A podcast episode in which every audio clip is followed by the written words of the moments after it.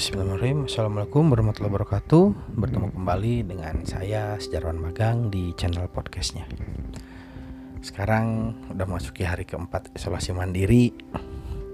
Uh, Alhamdulillah kondisi sudah membaik. Linu-linu sudah mulai berkurang. Lemes masih ada tapi nggak separah kemarin. Kalau kemarin tuh sehari bisa 4-5 kali tidur. Hanya siang saja. Kalau sekarang tadi itu cuman tidur sekali aja dari jam 10-an lah 10 setengah 11 sampai jam 1 uh, eh, saya bisa minum apa? Bisa kondisi membaik ini alhamdulillah saya minum propolis terus vitamin uh, ada obat herbal dari Tiongkok gitu. Itu kiriman dari teman dari senior terus uh, banyak suplemen-suplemen lain makanan-makanan yang bergizi juga. Alhamdulillah support dari teman dari para tetangga saudara itu luar biasa. Saya merasakan bahwa ternyata selain uh, dukungan logistik karena emang di rumah ya nggak nggak ke mana-mana gitu kan nggak bisa keluar ya nggak bisa belanja nggak bisa apa itu adalah dukungan dari teman, saudara, kerabat, sahabat, siapa pun, tetangga terutama. Hmm. Karena tanpa dukungan mereka mungkin kami-kami ini yang harus menjalani isolasi mandiri di rumah akan kerepotan. Kerepotan dalam artian kita bukannya sehat, tapi kita akan merasa lebih lebih apa ya? Overthinking mungkin deh jadi banyak mikir yang aneh-aneh yang enggak-enggak gitu. Dukungan dari tetangga yang saya rasakan yang saya ya yang saya alami sekarang itu misal pagi ada yang ngirim sarapan itu macam-macam ada nasi kuning kupat tahu. Mereka ada yang nanya nanya bah mau sarapan apa? Atau saya minta kalau kemarin sih oh, tadi pagi itu saya minta uh, terus uh, siangnya ada yang ngirim kue-kue juga. Alhamdulillah lah. Nah ternyata dukungan-dukungan seperti itu yang membuat mental kami itu jadi naik gitu. Ada harapan untuk wah ternyata saya tidak dikucilkan saya tidak sendiri saya tidak tidak merasa terbuang. Kemarin sore saya lihat ada postingan di Twitter isinya uh, semacam thread gitulah itu bagaimana ada saya nggak tahu itu di daerah mana tapi bagaimana orang-orang yang menjalani isolasi mandiri ini dia dikucilkan mendapat perlakuan yang tidak semestinya lah dari warga sekitar. Ada yang eh, rumahnya dilempari bangkai tikus lah terus ada yang dia teman kerja tapi eh, ketika apa ketika sudah sembuh isolasi mandiri itu sembuh ketika masuk kerja lagi dia dikucilkan dia tidak ditemani dan bahkan yang lebih parah dia diblok di med, dari medsosnya.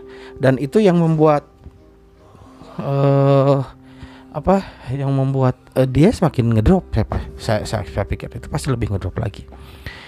Terus uh, yang lebih menyedihkan lagi ada nakes yang dia terpapar COVID, tapi sama perlakuan di tetangganya seperti itu.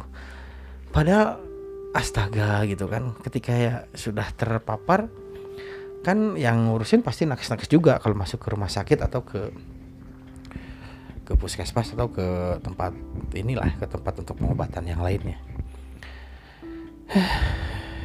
Itu mengerikan. Dan ternyata setelah saya alami baru empat hari ini saya alami ketahanan sosial yang sangat membantu kami para survivor mungkin ya bahasa kerennya itu.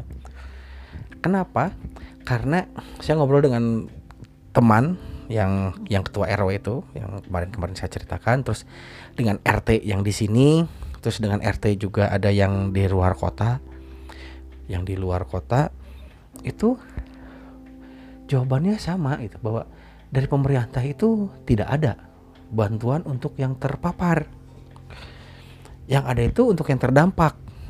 misal kayak uh, buruh pabrik yang di PHK terus uh, yang tidak punya kerja UKM gitu kan yang usahanya terganggu gitu karena uh, COVID ini yang terdampak banyak bantuan ya seperti kita lihat uh, untuk mendapatkan apa yang bantuan bansos 100 ribu dengan paket itu kan di di beberapa tempat. Kita lihat di TV di berita-berita di medsos juga sama begitu membludak kerumunan tanpa ada tanpa ada pembatasan semua pruk semua numpuk di satu tempat. Heh, itu mengerikan. Saya nggak tahu apakah belum ada metode penyaluran yang lebih ramah terhadap protokol kesehatan atau bagaimana saya nggak ngerti lah tapi kalau itu saya ngeri karena saya tidak tahu saya terpapar di mana saya tertular di mana tentu saya positif. Nah, apalagi itu gitu kan yang berkerumun bahkan ada yang lepas masker segala macam itu mengerikan.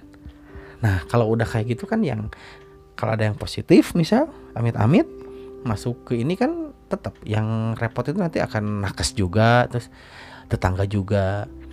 Dan alhamdulillah gitu kan ketahanan sosial di kita masih bagus lah. Minimal di daerah saya itu masih bagus.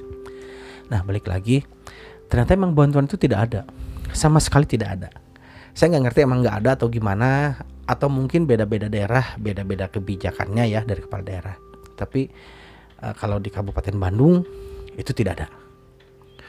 Saya nanya ke RT saya nanya tadi tadi pagi saya nanya ke Pak RT Pak RT uh, ini bantuan dari buat saya itu dari mana beliau menjawab bah ini dari kas RT dan swadaya warga di situ saya terharu, saya sedih, saya bangga, campur aduk. Kenapa? Karena ternyata uh, dari dari apa ya? Mereka pun sama, pasti mereka terdampak juga, tapi masih mau menyisihkan sedikit rezekinya, sedikit waktunya untuk menolong saya gitu.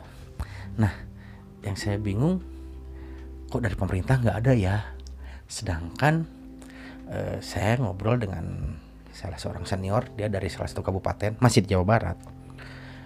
Beliau bilang kalau di kabupaten kami katanya ada bantuan untuk yang isolasi mandiri itu. Dia nyebut uh, sejumlah uang per hari per jiwa selama di isolasi saya pikir wah jadi misal kalau taruh lah satu rumah ada empat atau lima orang lah ada lima orang berarti udah lebih dari 200 ribu dapat sehari gitu kan. Nah itu dari dari dana ini dari dana dan daerah APBD mungkin ya dari dari ya dari dari uang pemerintah kabupaten. Termasuk eh, puskesmas pun sama puskesmas itu disuplai dana disuplai obat-obatan peralatan full katanya. Di sini kadang saya ngiri lah kok yang lain bisa ya? Kok Kabupaten Bandung nggak bisa?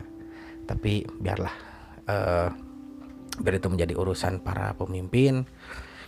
Sekarang yang yang pasti yang jelas uh, saya bersyukur ditinggal apa uh, tinggal di lingkungan yang support walaupun dengan penuh candaan kalau di grup WhatsApp gitu kan sambil bercanda sambil segala macem.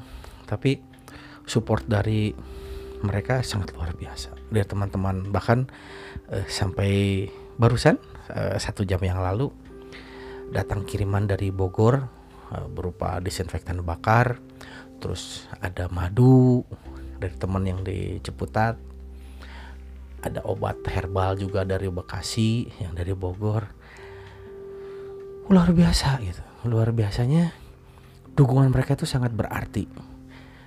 Karena itu tadi mereka yang membuat uh, mental mental kami ini yang para para survivor ini jadi bangkit itu. Soalnya jujur kalau kalau kita mikir kita yang biasa uh, di luar itu kan beraktivitas di luar kerja atau apa pun itu harus tinggal di rumah bahkan tidak boleh keluar rumah sama sekali itu akan merepotkan. Merepotkan dan mungkin uh, efeknya ke ke psikosomatis mungkin bisa jadi. Tapi dengan adanya dukungan-dukungan seperti itu uh, kita jadi enjoy me- melewati masa masa karantina ini. Jadi tidak ada lagi beban. Takut aduh saya gimana ya? Saya gimana ya? Gitu kan. Enggak. Jadi dengan dan adanya dukungan-dukungan seperti ini ya yang yang membuat mungkin ya yang membuat para survivor ini bisa bisa bertahan. Nah, mungkin pesannya saya tetap berpesannya eh, jaga kondisi, jaga kesehatan, kalau mungkin minum vitamin dan 3M itu jalankanlah gitu. Soalnya itu yang paling mudah, yang paling murah untuk memutus mata rantai penyebaran COVID ini. Pakailah masker, pakailah apa jauh kerumunan, terus uh, rajin cuci tangan itu aja. Karena kita tidak tahu terpapar dari mana, uh, tertular oleh siapa, atau mungkin kita yang sudah menularkan kepada orang lain, amit-amit. Tapi dengan 3M itu minimal kita sudah turut serta ambil bagian dalam memutus mata rantai penyebaran COVID ini. Hmm, barangkali segitu dulu uh, perjumpaan kita kali ini. Besok disambung lagi. Mudah-mudahan dengan kondisi saya yang sudah lebih baik uh, bisa cepat pulih lagi. Minta doanya saja.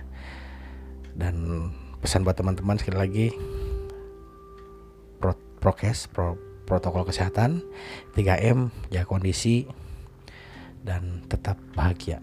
Wassalamualaikum warahmatullahi wabarakatuh.